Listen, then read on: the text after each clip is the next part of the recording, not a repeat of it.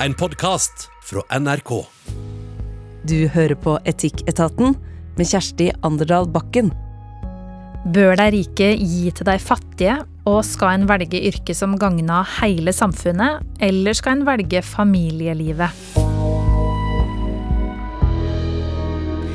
Her i Etikketaten i dag så har vi samla som alltid tre ulike folk som skal diskutere små og store etiske dilemmaer som det har sendt til oss på etikketaten krøllalfa nrk.no. Og i dag har vi henta headhunta, egentlig den uh, sympatiske, men nokså nådeløse, i hvert fall i konkurranse, og kanskje også i diskusjoner, uh, Øystein Petersen. Og så har vi med Heine Alexander Holmen, som er filosof døgnet rundt til glede og besvær, har vi hørt. Og den tredje stolen sitter du på, Silje Meisal, en prest som jeg har lært å kjenne som ganske lite sjølhøytidelig, syns jeg, og dedikert. Det er fine ord, er det ikke det? Veldig fine ord. Ja. Um, det skal handle om å dele på godene i første dilemma her i dag. Um, Silje, på en skala fra raus til grådig, hvor er du? Er vi på én til ti? Ja. Ok, Så ti er skikkelig grådig? Og én er kjemperaus. Eller mm. omvendt. Vi tar, ja, vi tar at ti er kjemperaus, for det er liksom høy, bra score. Nei, da Jeg tror jeg er på fem. Midt på Er det safe? Er det litt for safe å si fem? Så det fins en liksom grådighet i det? Ja, jeg tror det. Ja. Hvordan er det med det, Heine? Jeg er nok på tre, altså. Nærmere grådighet? Jeg er nærmere grådig. Jeg er en eh, Ja, jeg syns ikke grådighet alltid er eh, negativt eller uetisk eller men jeg er veldig sjenerøs på tid og meg selv. Jeg er tross alt instituttleder, så det hører med i jobben å være en som gir masse av seg selv. Og se andre. Jeg skal ikke bli sett, det er jo jeg som skal se de andre. Ja, men, så der er jeg sjenerøs. Men når vi skal inn i penger Når det gjelder penger? Nei. Dette blir spennende å høre mer om. Eh, Øystein, eh, grådig eller raus? Jeg liker jo ikke spørsmålet. Eh, jeg må være ærlig og si det. Jeg det går rett i ubehaget? Ja, altså, jeg, jeg, jeg, tror ikke jeg er grådig, men jeg, jeg, gir veldig sjelden penger til fremmede. Såpass ærlig må jeg være. Høy der. Ok, det her skal vi bore mer i eh, når vi skal inn i første dilemma. Bør de rike gi til de fattige?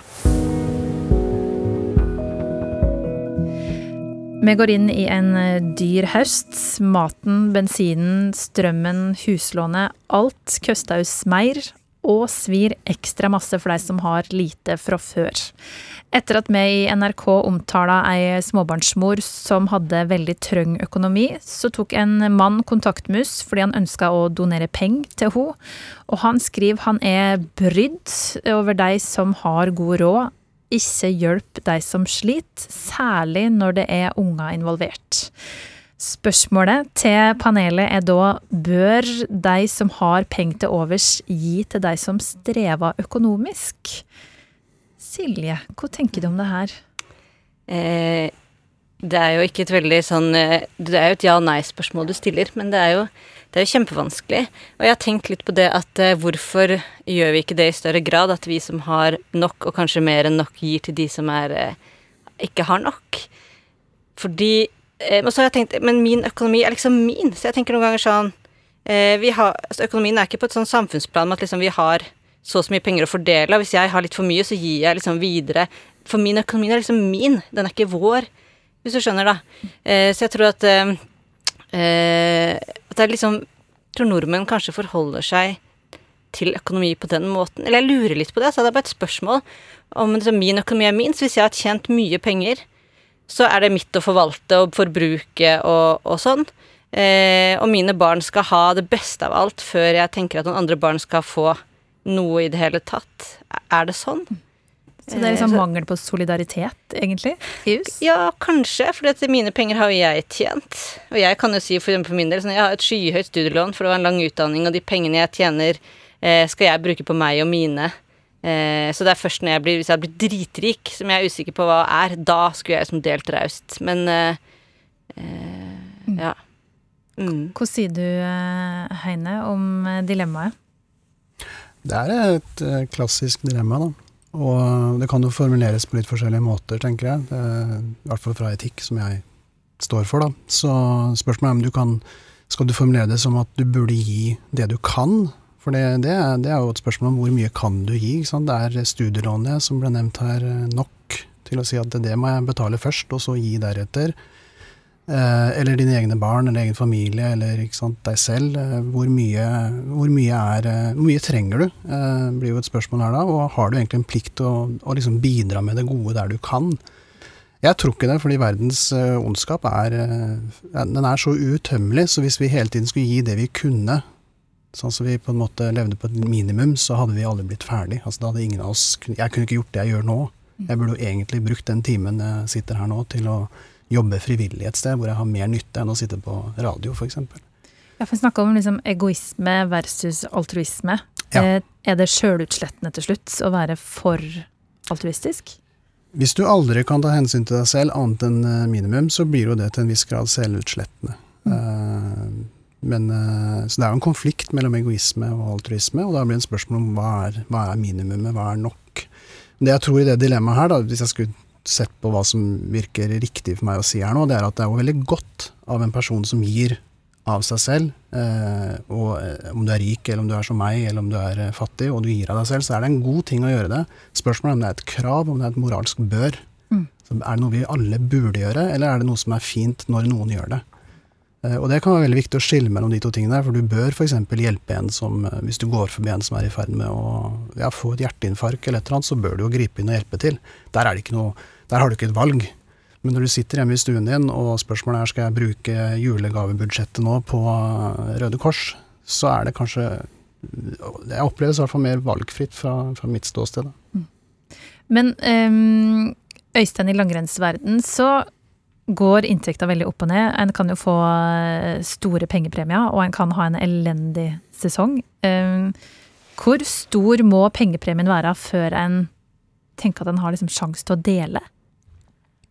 Altså dette med penger og det å dele penger, det er jo det er klart at det er veldig hyggelig å dele penger, men det er veldig kortsiktig også, er det ikke det? Altså sånn, eh, Det også å, å gi penger, det føles sikkert godt, og de som mottar pengene blir selvfølgelig veldig glad, men hva skjer den dagen de pengene er brukt opp? Hvem er det da som skal gi? Er det sånn at man da, eh, hvis man trenger penger, har rett til å få penger av andre?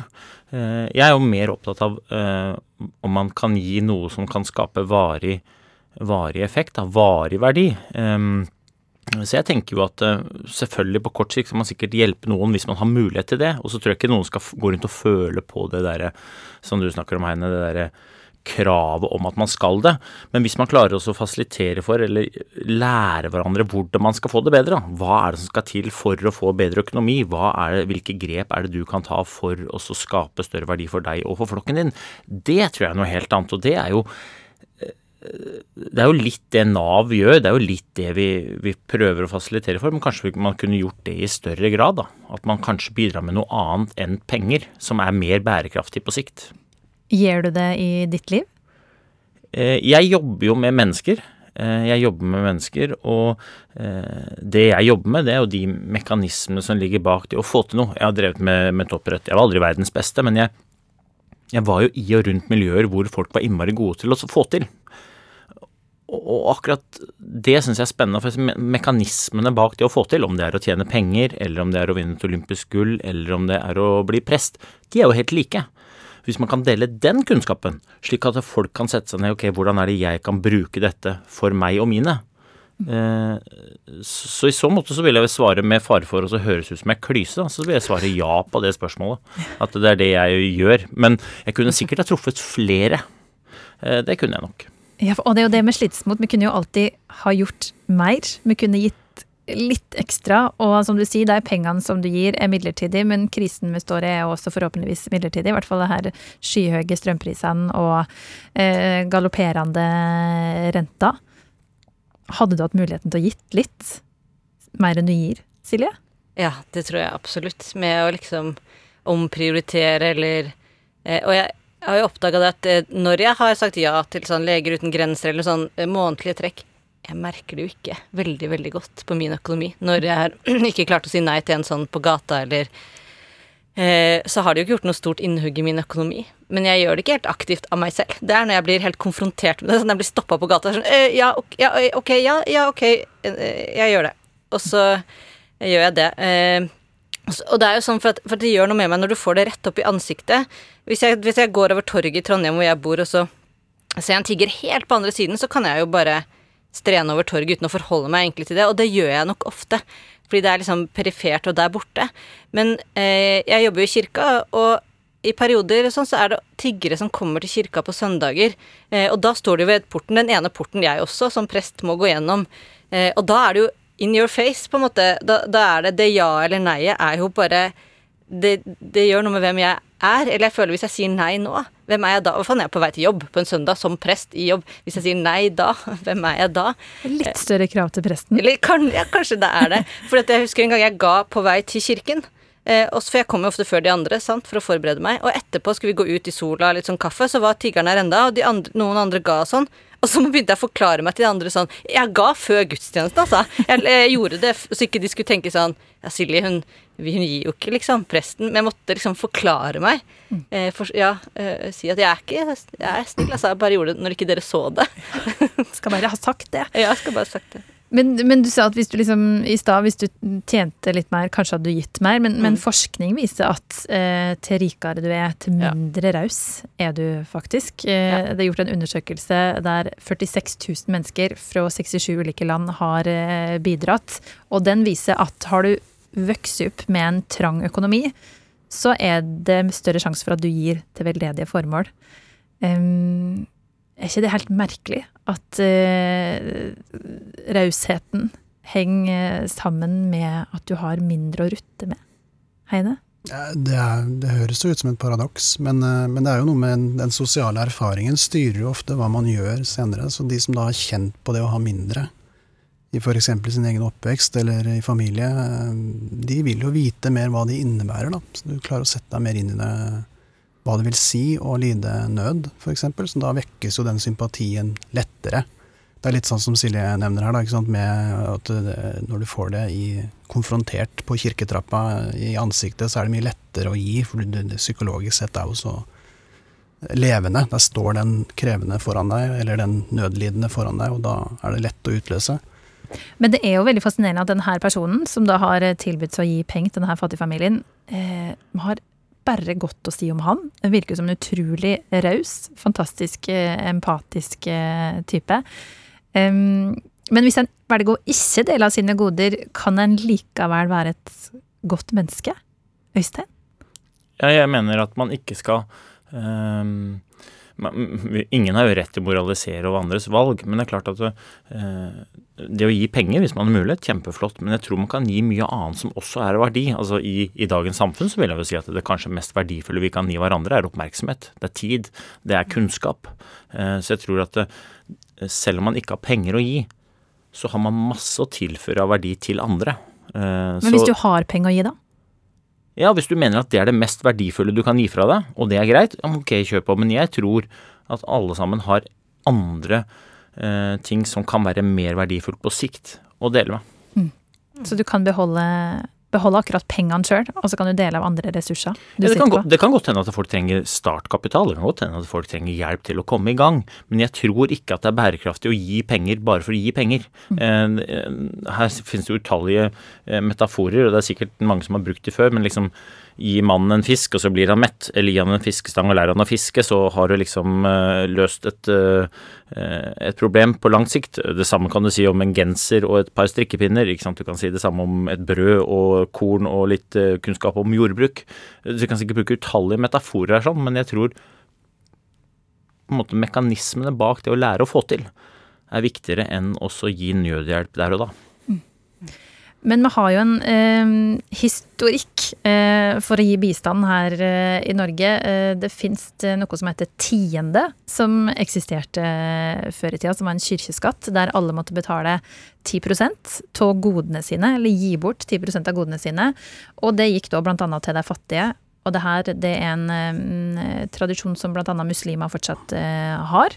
De skal gi 2,5% av inntekta si til menigheten, og så går det da videre bl.a. til fattige. Og så har du noen som kalles sånne effektive altruister, som er, har pålagt seg sjøl å gi bort eh, 10 av lønna si resten av livet. Mm. Um, burde vi gjeninnført en sånn bistandsskatt, eh, Heine? Er det en idé? Nei, du, jeg, jeg jeg syns ikke det er en veldig god idé. Eh, for det første fordi skatt er bare generelt sett uh, upopulært. Uh, så jeg er litt enig i det poenget som Øystein gjorde også, med at det er mange måter å gi på. Og det å gi, eller det å på en måte bidra, det, det, gjøres jo best når det føles som at du ikke gir. Altså at du ikke ofrer. At det er noe du har en egen motivasjon for å gjøre. Eh, og det tror jeg, det tror jeg er den beste måten å kanalisere det gode på. Da. At du gjør det mens du samtidig kjenner at dette her er meningsfullt, dette her er rikt, dette gir meg like mye som det gir andre. Og Det tror jeg veldig mange har da, når de bidrar i frivillig arbeid f.eks., eller de jobber, står på for Røde Kors. De, altså, ikke, de gjør jo ikke dette her fordi det Eh, nødvendigvis er en lidelse å stå der. Eh, så da tenker jeg de fleste Vi har jo på en måte Jeg tenker at vi har en oppgave å være et godt menneske. Ja, for vi snakka om eh, raushet og grådighet i stad. Du sa at du var eh, lenger mot grådigheten. Ja. ja. I hvert fall når det gjelder penger, da.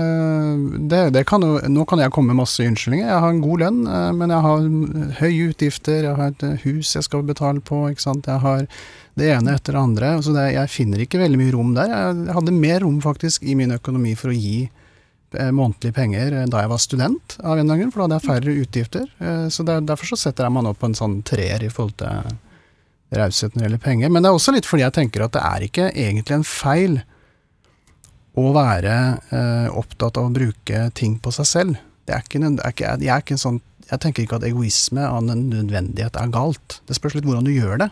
Sånn snever egoisme, det kan være galt. At du bare tenker på deg selv i hverdagen. F.eks. å aldri tenke på andre. F.eks. ikke tenke på samboeren din, eller, eller, barna dine, eller familien din, eller foreldrene dine. Men alt på en måte er motivert av at du skal selv få et utbytte av det. Det er en form for snever egoisme som jeg tenker er uetisk. Mm. Nå, nå, er jeg moralisten her, da, Øystein. ja, du, du, du, trenger ikke å Jeg har skrevet en bok jeg vil oppfordre folk til å være egoistiske. og så hører jo mange egoisme i negativt ordlag, da. Men ja. i mitt hode er det veldig positivt. Uh, ja. Hvis folk opplever at du kjører over de rundt deg, så mener jeg at det er ikke egoisme som er problemet, da er det jo verdiene dine som er ja, problemet. Enig. Så liksom det å være egoist gjennom å beskytte det du bryr deg om, og de folka du er glad i, og, og, og gjerne egoisme knytta opp til tidsbruk, da. Ja. Jeg oppfordrer folk til å være egoister. Også hvis, de, hvis du kjører over noen, så oppfordrer jeg folk til å sette seg ned og se på verdiene sine. Ja. Ja, jeg er enig med deg, Øystein. fordi det med egoisme, det, det, handler om hva egeninteressen er, da. Det å være en egoist er å, å, fokusere eller jobbe for din egen interesse. Og det er jo helt avhengig av hva verdien din er. En av mine verdier, f.eks., er at min samboer skal blomstre. For seg selv. At hun skal ha det fint. Da kjører jeg ikke over henne, ikke sant. Så det er jo, du kan jo fint det er jo, Jeg vil se på det som en form for egoisme, for jeg vil at hun skal blomstre fordi hun er min samboer. Eh, det, er jo, det ligger i min egeninteresse at hun har det flott for seg selv. Så det er en form for egoisme som jeg tenker er uproblematisk. Da. Men så er det den andre som er den hvor du kjører over, som Øystein snakker om. Den, er, den er, mer problematisk. Fra en uh, diskusjon om uh, raushet og grådighet, så skal vi nå inn i uh, synden i Etikketaten.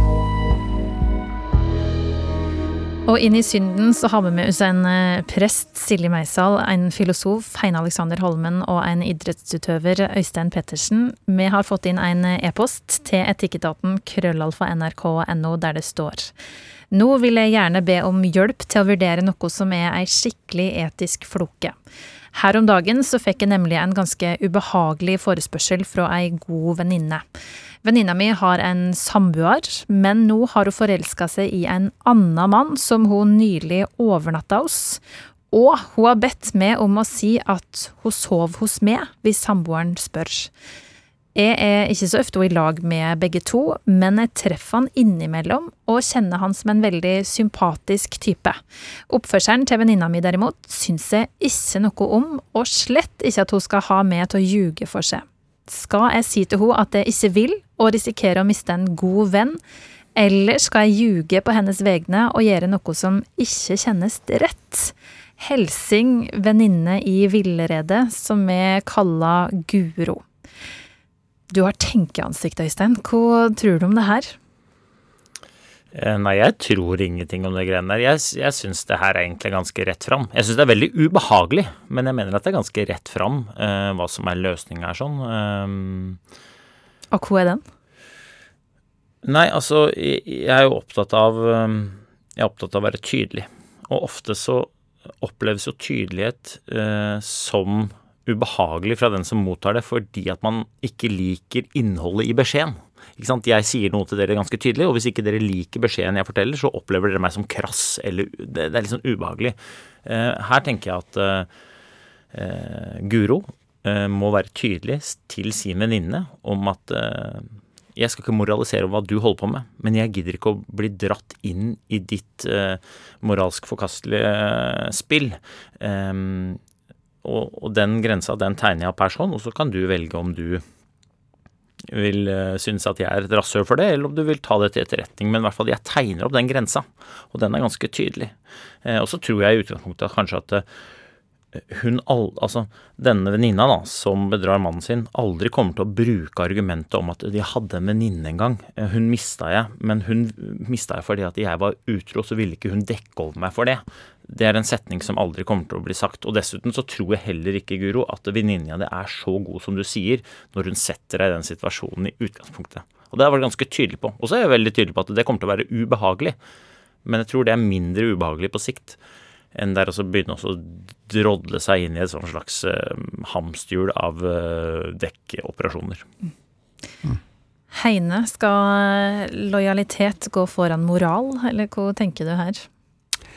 Jeg, altså det, jeg, jeg, tenker at her er det Det er en komplisert sak i den forstand at her er det flere moralske eller etiske elementer som kan veies opp imot hverandre. Da. Så du har jo vennskap, lojalitet, sannferdighet, det å være et godt menneske selv. Alle de tingene her er jo i spill, og noe av det vi er opptatt av på på etikk- og filosofistudiet i Trondheim, det er jo ikke bare å fortelle deg svaret, men å gi deg noen elementer som du kan analysere litt ut ifra å veie opp mot. Eh, jeg er veldig enig i det Øystein gjør her nå, om å trekke en linje. Eh, en av de tingene man kan stille spørsmålstegn ved, er hva utgjør et godt vennskap?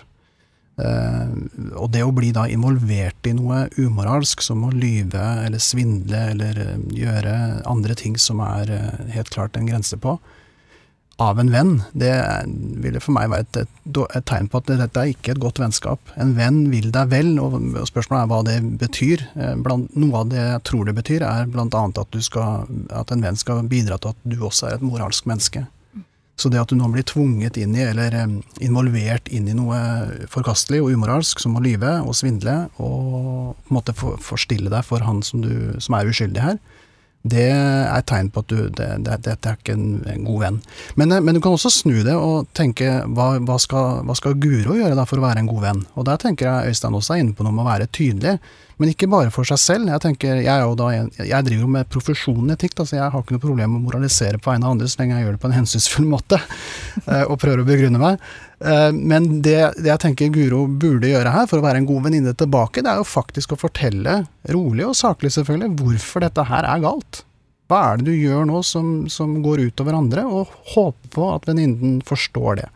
Eh, da, da bidrar du til å være en god venn tilbake, med å forsøke å få henne over på den rette vei, da. Og hvis hun da slamrer med døra og går, så, så føler du at du, du, har gjort det et godt menneske skal gjøre? Du risikerer jo å miste et vennskap eh, her. Spørsmålet er om du mister et uh, godt vennskap. Men jeg, jeg, tror egentlig ikke det. Jeg tror de fleste mennesker, hvis du, hvis du, hvis du klarer å formidle at 'jeg vil deg nå vel', i utgangspunktet. Eh, jeg vil egentlig at du skal være et godt menneske og gjøre ting riktig, og det er det jeg forteller deg nå. Og det tenker jeg det er jo basisen for et godt vennskap, at man kan, kan ha den utvekslingen der uten å bli uvenner. Men det høres ut som eh, Jeg tenker jo at det Guro kan si, at det, kan, det, du ber meg om, det kan jeg ikke gjøre for deg. Men hva, hva kan jeg gjøre for deg? Eller at Guro kan si noe om Men dette kan jeg gjøre. Jeg kan fremdeles være en venn. Jeg kan fremdeles ta deg imot eh, med det du trenger. Eh, og du sa jo, Kjersti, nå, eh, nå skal vi inn i synden. Og synd kan jo også oversettes med å bomme på mål. Og det snakker jeg mye med ungdommer og konfirmanter om. Jeg tenker at vi har hatt en generasjon, eller flere kanskje, som av synd det Altså hvis jeg som prest nevner synd, så er jeg på en måte gammeldags, eller det er det, ja, det kan også provosere veldig, da. Men jeg tenker at det er et veldig godt ord for de gangene vi bommer på mål. Vi vet kanskje etisk eller moralsk hvilken vei vi bør gå. Og så er det et eller annet som gjør at vi bare skjener ut til siden, at vi trekkes, trekkes ut, da. Eh, i noe annet. Og i dette tilfellet så vet jo ikke vi hva det er. Eh, men det er jo helt åpenbart hun har bomma på mål, for det er jo eh, Hun har jo ligget over hos en annen mann enn den hun egentlig bor sammen med. Og så i tillegg ber hun venninna si om å være med å dekke over det. Så hun har jo bomma kraftig på mål. Og hvordan kjenner et menneske seg som har bomma så kraftig på mål? Jeg tror de trenger Hvis Guro klarer det, da, det kan ikke jeg be av Guro, men det at Guro kan si 'det kan jeg ikke gjøre for deg', men du har bomma kraftig på mål. Hva kan jeg nå gjøre for deg? Jeg kan fortsette å være en venn, men det kan ikke jeg be Guro om. Men det hadde vært en mulighet, da. Eh, er det noe annet jeg kan gjøre for deg? Kan jeg ta deg imot når du da skal gå hjem og si til samboeren din hva du har gjort, og at jeg kan ikke leve sammen med deg lenger, for jeg elsker en annen? Eller, eller trenger du ja, altså helt konkret, trenger du at du da går hjem og så kommer tilbake til meg?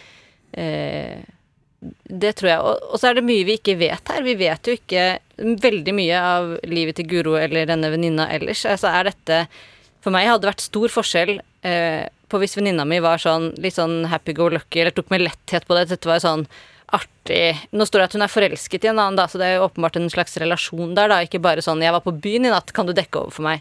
Mm. Eh, eh, og det har jeg jo lært gjennom de årene jeg har eh, tatt imot mennesker i samtale, at liv er kompliserte. Og det ser veldig enkle ut i de små snuttene vi får som dilemmaer her, men det er jo sannsynligvis en større historie bak her mm. som man kanskje som venn kan ta imot. Jeg kan, ikke, jeg kan, ikke, gjøre dette for deg, du ber meg om, men jeg kan gjøre så mye annet. Jeg kan lytte, jeg kan ja, være her. Mm. Nå har jeg tatt et langt studium hvor man blir eh, hva skal jeg si, hjernevasket av stoisk filosofi eller rasjonalistisk filosofi. Og en ting som er veldig viktig da, eh, for de aller fleste filosofer, er jo sannheten. Vi er mer lojal, heller lojal overfor sannheten enn overfor en person. Det er jo noe Sokrates sier veldig tydelig i gresk filosofi. Um, så det, av han får du sannheten, enten den er brysk eller uh, ubehagelig eller uhøflig, ikke sant. Og jeg kjenner også på det. Det, det. det, betyr ikke at jeg ikke noensinne har løyet eller kommer til å lyve igjen, men jeg, jeg, merker at jeg kjenner enormt på det de gangene det skjer. Jeg tror jeg kan fortsatt sitte og telle opp og huske alle de gangene det har skjedd klart og tydelig. Så en av de tingene som kunne skje i den caset her, da, det er jo faktisk at uh, han samboeren ringte venninna og spurte, eller uh, sendte en tekstmelding. Og hva gjør du da? Uh, skal du da lyve, eller skal du svare ullent og utydelig, eller skal du si noe som ikke er en løgn, men som formidler et budskap som allikevel er en løgn? Det er masse sånne problemstillinger som ligger der, og jeg kjenner det, det går nesten på fagfilosofen løs. da. Så av meg så får du fort sannheten, og det, kanskje, kanskje, det ikke er så bra for, eh, for den store vennekretsen, men uh, Ikke velg Heine hvis du skal dekke over noe greier. nei, da vil jeg helst ikke ha den meldingen. Det, Når er utdrikningslaget? Det er neste år. Eh, hva hadde du gjort i det tilfellet, Silje, hvis samboeren ringer og spør du, stemmer det at jeg tror kanskje det, Jeg tror jeg hadde vært feig. Jeg tror jeg hadde sagt eh, Jeg vet ikke hva som skjer mellom dere der hjemme, men ta dette hjemme. Eller jeg vil ikke legge meg borti, eller Altså, jeg, jeg frykter at det er det jeg hadde havna oppi. Eller sånn noe sånt, da. Ja. Eh, det, det, tror jeg dere må ordne opp i hjemme. Eh, og ikke egentlig svart på spørsmålet. Men så ville jeg kanskje kontakta Guro Eller nei, det er Guro som Ja, nei, jeg kontakta venninna mi, hvis jeg var Guro, og sagt eh, nå, nå må du si noe, for nå, nå, har jeg kommet til den situasjonen allikevel. Og jeg har jo sagt til deg at jeg ikke vil. Hvis vi mm. har blitt enige om det, at vi ikke syns hun skulle lyve. Mm. Mm. Kommer forkjemperen for uh, tydelighet. Mm. Går du for uh, å si det klart? Jeg, jeg ville nok eh, gjort som Silje, da. Liksom sagt at jeg tegna opp grensa også til samboeren. Det her vil jeg ikke ha noe med å gjøre, men dere må prate sammen. Og det tror jeg får Det må dere gjøre nå. Det er et godt tidspunkt å sette seg ned nå. Det er, uh, høres ut som det er på tide. Ja. Fort å bli litt moralist i det her, men kanskje er det akkurat det som trengs. Uh, nå skal vi inn i, uh, i hagen til ei som snart skal selge huset sitt. Marie har nemlig sendt ut en e-post med et dilemma til etikketaten krøllalfa nrk.no, og det er filosofen, presten og idrettsutøveren som også skal få bryne seg på det her. Hei, Etikketaten. Nå i høst så skal jeg selge huset mitt, en liten, koselig halvpart av en tomannsbostad. Jeg driver og pusser opp og pynter brura så godt jeg kan for at folk skal få lyst til å bo her. Men på den andre sida av hekken så bor en nabo som ikke er like interessert i orden.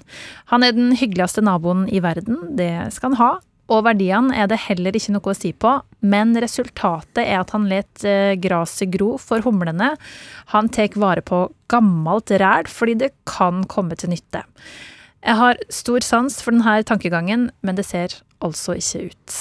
Kan jeg be han rydde tomta si før visninga av min halvpart, sånn at jeg får best mulig pris? Eller er det uetisk å la kjøper få inntrykk av at plassen er bedre enn den er? Helsing Marie. Hva um, tenker du, Eine? du, den her saken her, den, eh, den syns jeg ikke er uh, veldig enkel, da. Uh, fordi på den ene siden nå, så du risikerer jo da å, å pynte brura, som du sier, litt for mye. Altså på å pynte også nabobrura, da. Uh, I det tilfellet her. Falskt. Fordi den hagen vil jo gro igjen i det øyeblikket den nye huseieren flytter inn, og det vil jo gå tilbake til det samme, tipper jeg. Uh, og da er spørsmålet er det galt, uh, tenker jeg da. Uh, for du skal jo normalt være sannferdig og si det som er sant, og, og vise frem et sant ytre og sånn, men samtidig så begynte jeg å tenke på at men, men, man gjør jo stadig sånne små grep for å fremstå som litt annerledes. Fremstå som vakrere, f.eks., eller mer ryddig, eller altså, som vi nevnte nettopp, vi snakket jo nettopp om det å rydde leiligheten sånn før man får et besøk, f.eks., for, eksempel, for å fremstå som ryddigere enn det man normalt er. Mm. Det er jo også en form for um, å ikke være helt sannferdig, da. Ikke vise alt sånn som det egentlig er. Så det er spørsmålet om du kan gjøre dette her i det tilfellet her for å kunne tjene en ekstra slant. Uh, man pynter seg litt ekstra på jobbintervju, man uh, er litt ekstra høflig når man uh, ja, er på jobbintervju, for man fremstå, vil fremstå som en bedre kollega enn man kanskje egentlig er, osv. Så, videre. så det, jeg kan ikke si sånn bastant det her er galt, fordi vi gjør det jo i så mange andre situasjoner.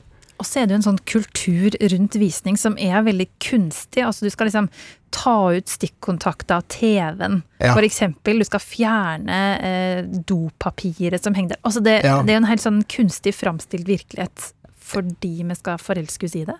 Ja, jeg, jeg, har solgt uh, hus en gang, jeg også, og det syns jeg var en, var en veldig pussig opplevelse med å få liksom alt til å fremstå på en helt bestemt måte. og Du skulle ha et lite sånn utvalg av småkaker på, på, kjøkkenbordet, og det skulle være kos. og mm.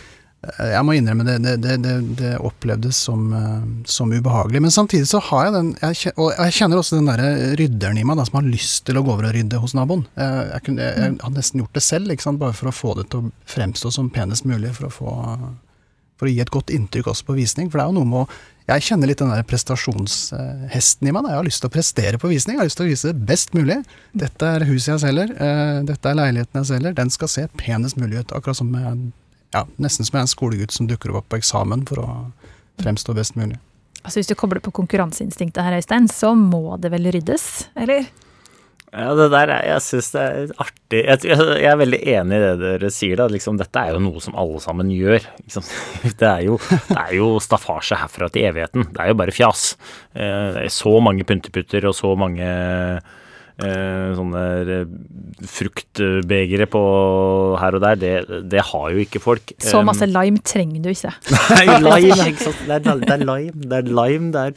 Um, så, så men jeg, hadde ikke gjort det sjøl. Jeg, jeg, hadde ikke gått og sagt fra sjøl. Jeg syns det er artig at innsenderen poengterer at hun setter veldig pris på tankegangen til naboen som samler på Eh, masse ræl. Eh, da tenker jeg sånn så pris setter du vel ikke på det hvis du karakteriserer det som skrot. Eh, så jeg tror det, er litt fasade, det også. Jeg er jo jeg er veldig åpen for det, altså, men det passer meg litt dårlig akkurat nå. Um, så, men hvis noen hadde tvunget meg, altså sånn du må gå bort og prate med naboen, så tror jeg ikke jeg ville retta pekefingeren og sagt at du må rydde. Da tror jeg jeg hadde vippa det over på mine egne følelser og sagt at jeg skal selge, eh, og jeg føler at det, at det ser så jævlig ut hos deg, kommer til å trekke ned verdien på det jeg skal selge. Jeg er gira på å få mest mulig for det, og jeg håper at uh, du vurderer å, å, ta mine følelser uh, opp til vurdering, i hvert fall. Jeg tror det er en bedre sjanse å gå fram den måten enn å si det ser ut som et bomba hus her, øh, og du må rydde. For da tror jeg ikke det skjer noen ting annet enn at du får uvennskap. Men hvis du hadde vært på visning, eh, Silje, hadde du blitt mer skeptisk til den delen av tomannsboligen fordi at det er rotete på andre sida? Eh, Ja, ikke, ikke til liksom den eh, som delen som selges, men liksom du skal jo da eh, I en tomannsbolig så bor du ganske tett. Og jeg liksom, nå ser, prøver jeg å se for meg på at det, bare er en hekk, eller at det er sånn at verandaen bare har sånn derre skjerm mellom, eller Det er ganske nært. Mm. Um, uh, så det, det vil jo være litt sånn Oi. Det er jo sånn, sånn nabolagsprofiler, er det ikke det? På sånne vis, eller sånn Når du skal se, eh, kjøpe bolig, så er det sånn nabolagsprofil, eller Det er viktig, liksom, hva slags eh, miljø skal du flytte inn i. Um, Men hvor ofte er de ærlige, Nei, de nabolagsprofilene? Nei, det, det er dritfint å bo overalt. Det er egentlig det som er konklusjonen. Ja, det er skikkelig bra. Uh, så hvis det, man bor nært marka, så er det det beste. Og hvis man bor nær, ikke nært marka, så er det helt supert, det òg, liksom. Å bo nært byen. Sånn, ja. Men, uh, men uh, Og så tror jeg dessverre Man kunne jo tenke at det var sånn at fordi det var skikkelig rotet hos naboen, eh, så, så ser det enda bedre ut på hennes del. Men når det er en tomannsbolig, så er det så nært, da. Kanskje det liksom fellesareal. Ah, Jeg ser for meg det, da. Så, men, men det er som du Øystein begynner å snakke om sånn Hvordan, hvordan blir det å gå til naboen? Eh, og, men så er jo ikke det en relasjon som skal vare, da. Jeg vet ikke om det er et veldig viktig moment, men du skal jo faktisk flytte. Men det er ikke noe hyggelig eh, Hyggelig å gå til naboen og si, eh, som du Øystein sa, sånn Det ser helt jævlig ut der. Var, hvis noen kom og sa det til meg, så hadde ikke ja, nå fikk jeg kjempelyst til å rydde for deg. Så hvilke ord skal man bruke liksom når man går til naboen og sier sånn eh, Jeg tror faktisk det er sånn Kunne man liksom brukt megleren og sagt sånn du, megleren sa altså Jeg syns det er helt topp at du har det sånn. Det har vært sjarmerende i alle år, ja, men megleren sier at det kunne vært lurt. At det var litt likere, liksom, når jeg skal selge. Er det lov? Nå er det litt lodden. Nå er det tilbake igjen. Liksom, nå er det litt Ja, utydelig. ja, det er ikke du- lov, det, da, kanskje, å si sånn Megleren sa at Jeg er litt usikker på om, du, om mottakeren skjønner budskapet ditt. For det du ønsker, er at det skal ryddes. Få dette til å se ordentlig ut. Men her er det Det er jo to ulike verdisyn. Så er liksom Marie sitt verdisyn mer korrekt og riktig? Men kan jeg, hvis jeg skal på visning, da Så har jeg også blitt litt stressa over å skulle flytte inn i et nabolag hvor alt var sånn helt utrolig stelt i alle hager. Ja, da er det bare sånn Her kan ikke jeg bo, for da kommer jeg kommer til å bli den hagen med langt, gress og skrap. Eh, så kanskje det er Det spørs jo hvor ille det er i den hagen. Kanskje de som kjøper, tenker sånn ah, Her er det litt avslappa stemning og Det spørs jo hvor ille det er, da. Hvis det står sånn gamle traktorer og fem gressklipper, rustne gressklippere, liksom. Men hva tenker du om det her ulike verdisyna, Heina? Har du rett til å si klipp hekken og klipp gresset? I en sånn tomannsbolig Ja, det, det burde være mulig å ha et visst hevd på at det skal holdes sånn noenlunde i balanse. Men hvilke av de synene her som er best, det er jo vrient. Det er jo det økologiske med en sånn hage, men samtidig det derre skrapet Jeg vet ikke, det blir fort bare en unnskyldning for å være rotete, en skrotnisse.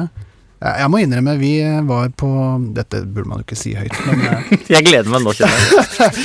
Nei, men vi var på visning, eh, ikke i denne byen her, men vi skulle på en visning i, i Tromsø for å, se, for å se på en leilighet på et eller annet tidspunkt. Jeg bodde jo i Tromsø inntil i fjor, og eh, ja, vi, vi snudde altså, for vi så plutselig at eh, det var ikke bare én skrotnissenabo, men det var to, og da tenkte vi dette her eh, vi har ikke eh, vi, vi, vi lar være å dukke opp. Eh, Det blir bare kleint. Eh, Det så også litt rotete ut inne i, i den leiligheten vi skulle se på. Så det, det gjør jo et visst inntrykk, det er, det er jo ikke noe tvil om det.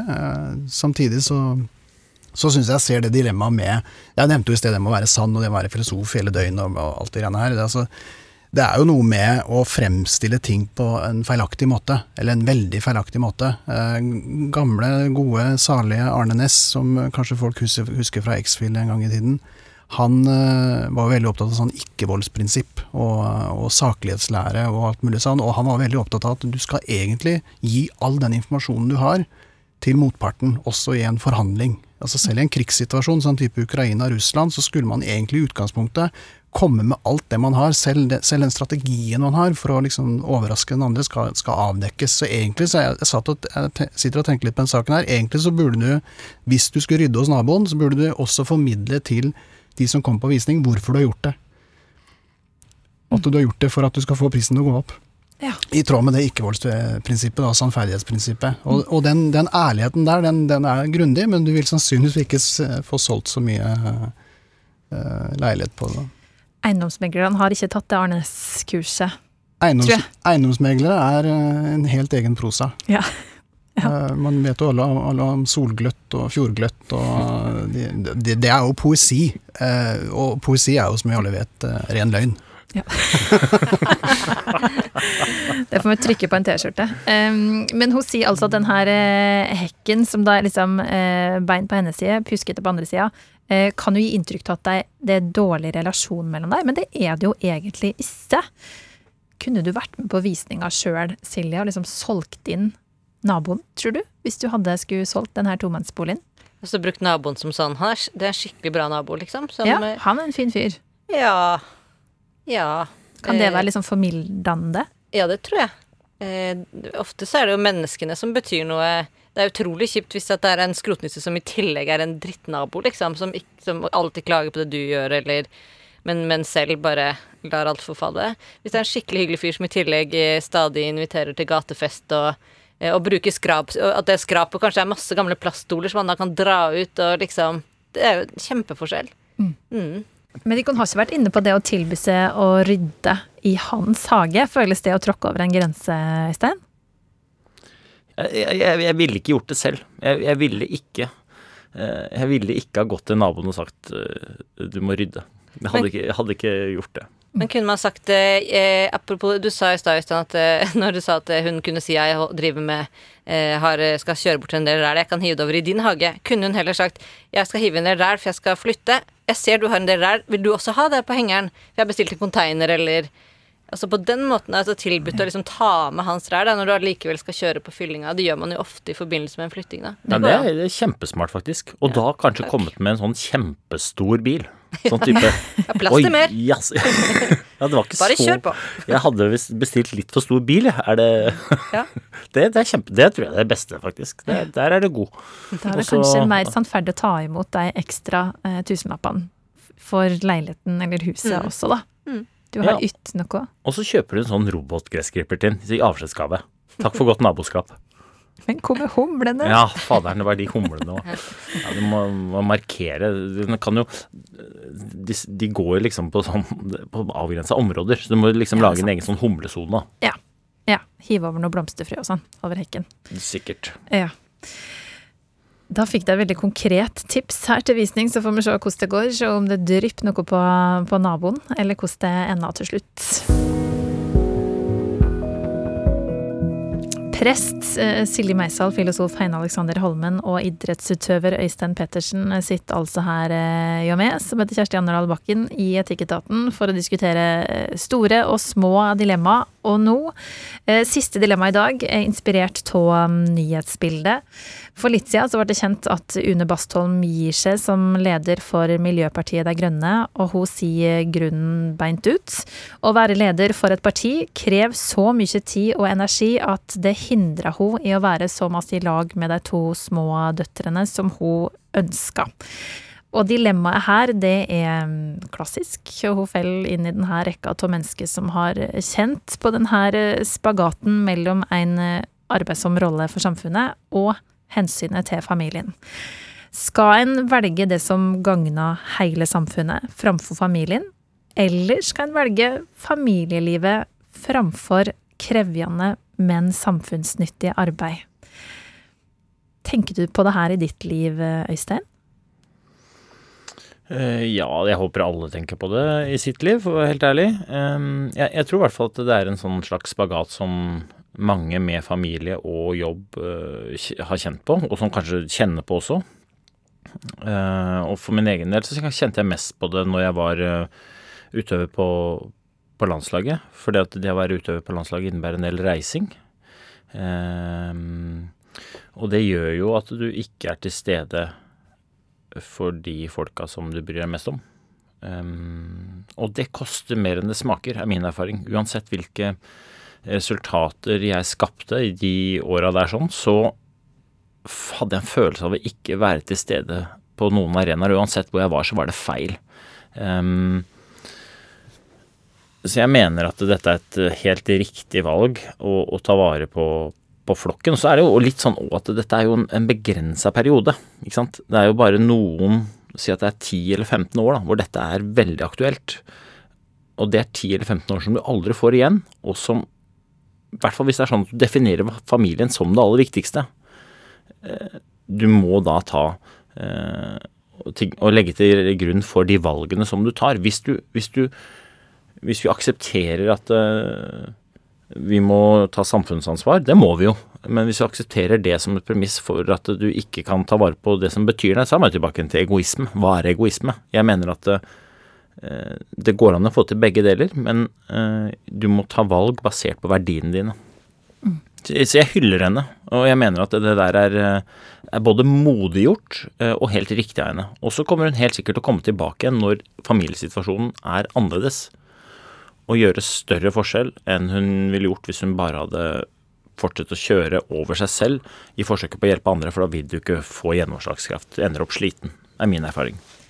Men hun kan jo eh, gå på som leder for eh, et politisk parti igjen om 10-20-30 år. Som toppidrettsutøver så er det jo noe ganske annet. Eh, Du kan ikke velge bort 30-40-åra. Da mister du en ganske stor del av karrieren din. Tenker Ja. du at det ikke er forenlig med familieliv og toppidrettsliv? Eh, I, mitt, mitt hode så uh, måles ikke suksess på resultatlister. Det er veldig gøy med gode resultater, men suksess er jo den følelsen du har når du står opp om morgenen og legger deg om kvelden. Og den er veldig sterkt knyttet opp til meninga med det du gjør. Og hvis du i for stor grad kjører over verdiene dine, så tror jeg at du mister meninga. Um, så jeg er helt ærlig på at det er krevende. Men jeg vet jo av erfaring at det er mulig å gjøre noe med det. Jeg datt ut av landslaget i 2014. Ikke uflaks, eh, selv om det føltes veldig brutalt. Men det var jo bare en konsekvens av at jeg var for dårlig. Og litt av grunnen til at jeg var for dårlig, var fordi at jeg kjørte over de hjemme, og jeg kjørte over meg selv i jakten på gode resultater. Men så tok jeg et verdivalg rundt hvordan jeg skulle bruke tid, energi og ressurser for å komme meg tilbake igjen i, i verdenstoppen på ski.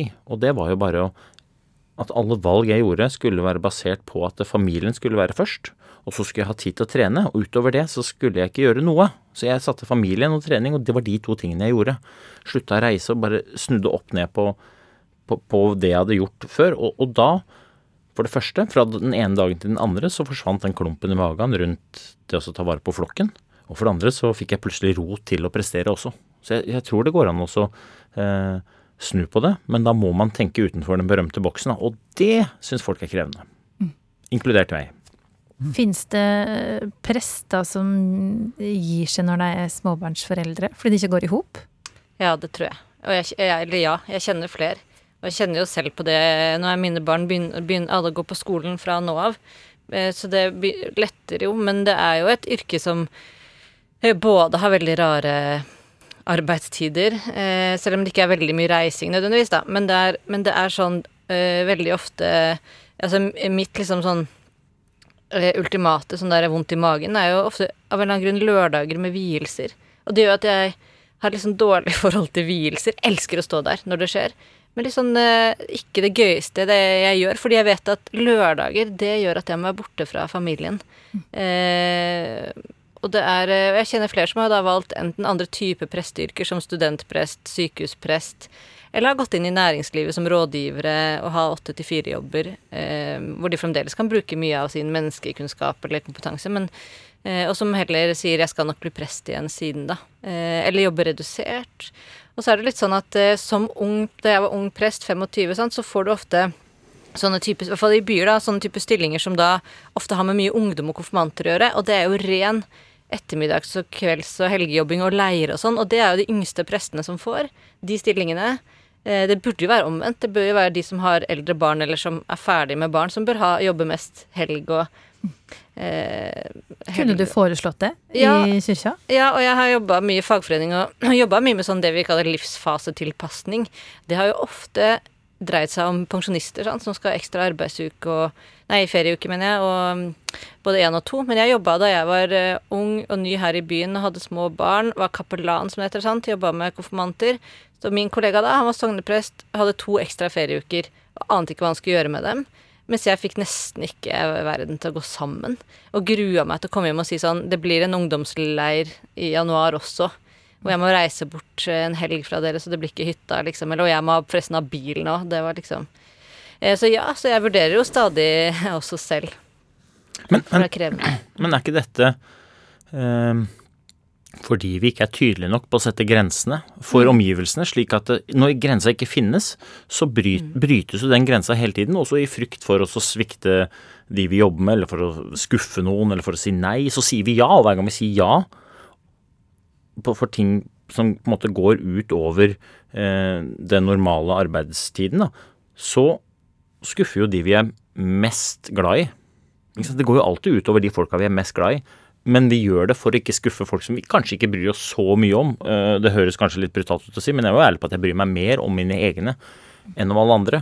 Og jeg kan kjenne meg veldig godt igjen. altså eh, ikke, ikke at jeg er verdens mest kjente eh, fyr, det er jeg absolutt ikke. Men når jeg er på barnearrangement, idrettsarrangement, så treffer jeg ofte andre unger og andre foreldre som har lyst til at jeg skal ta bilde med deres unger. Og det er veldig hyggelig.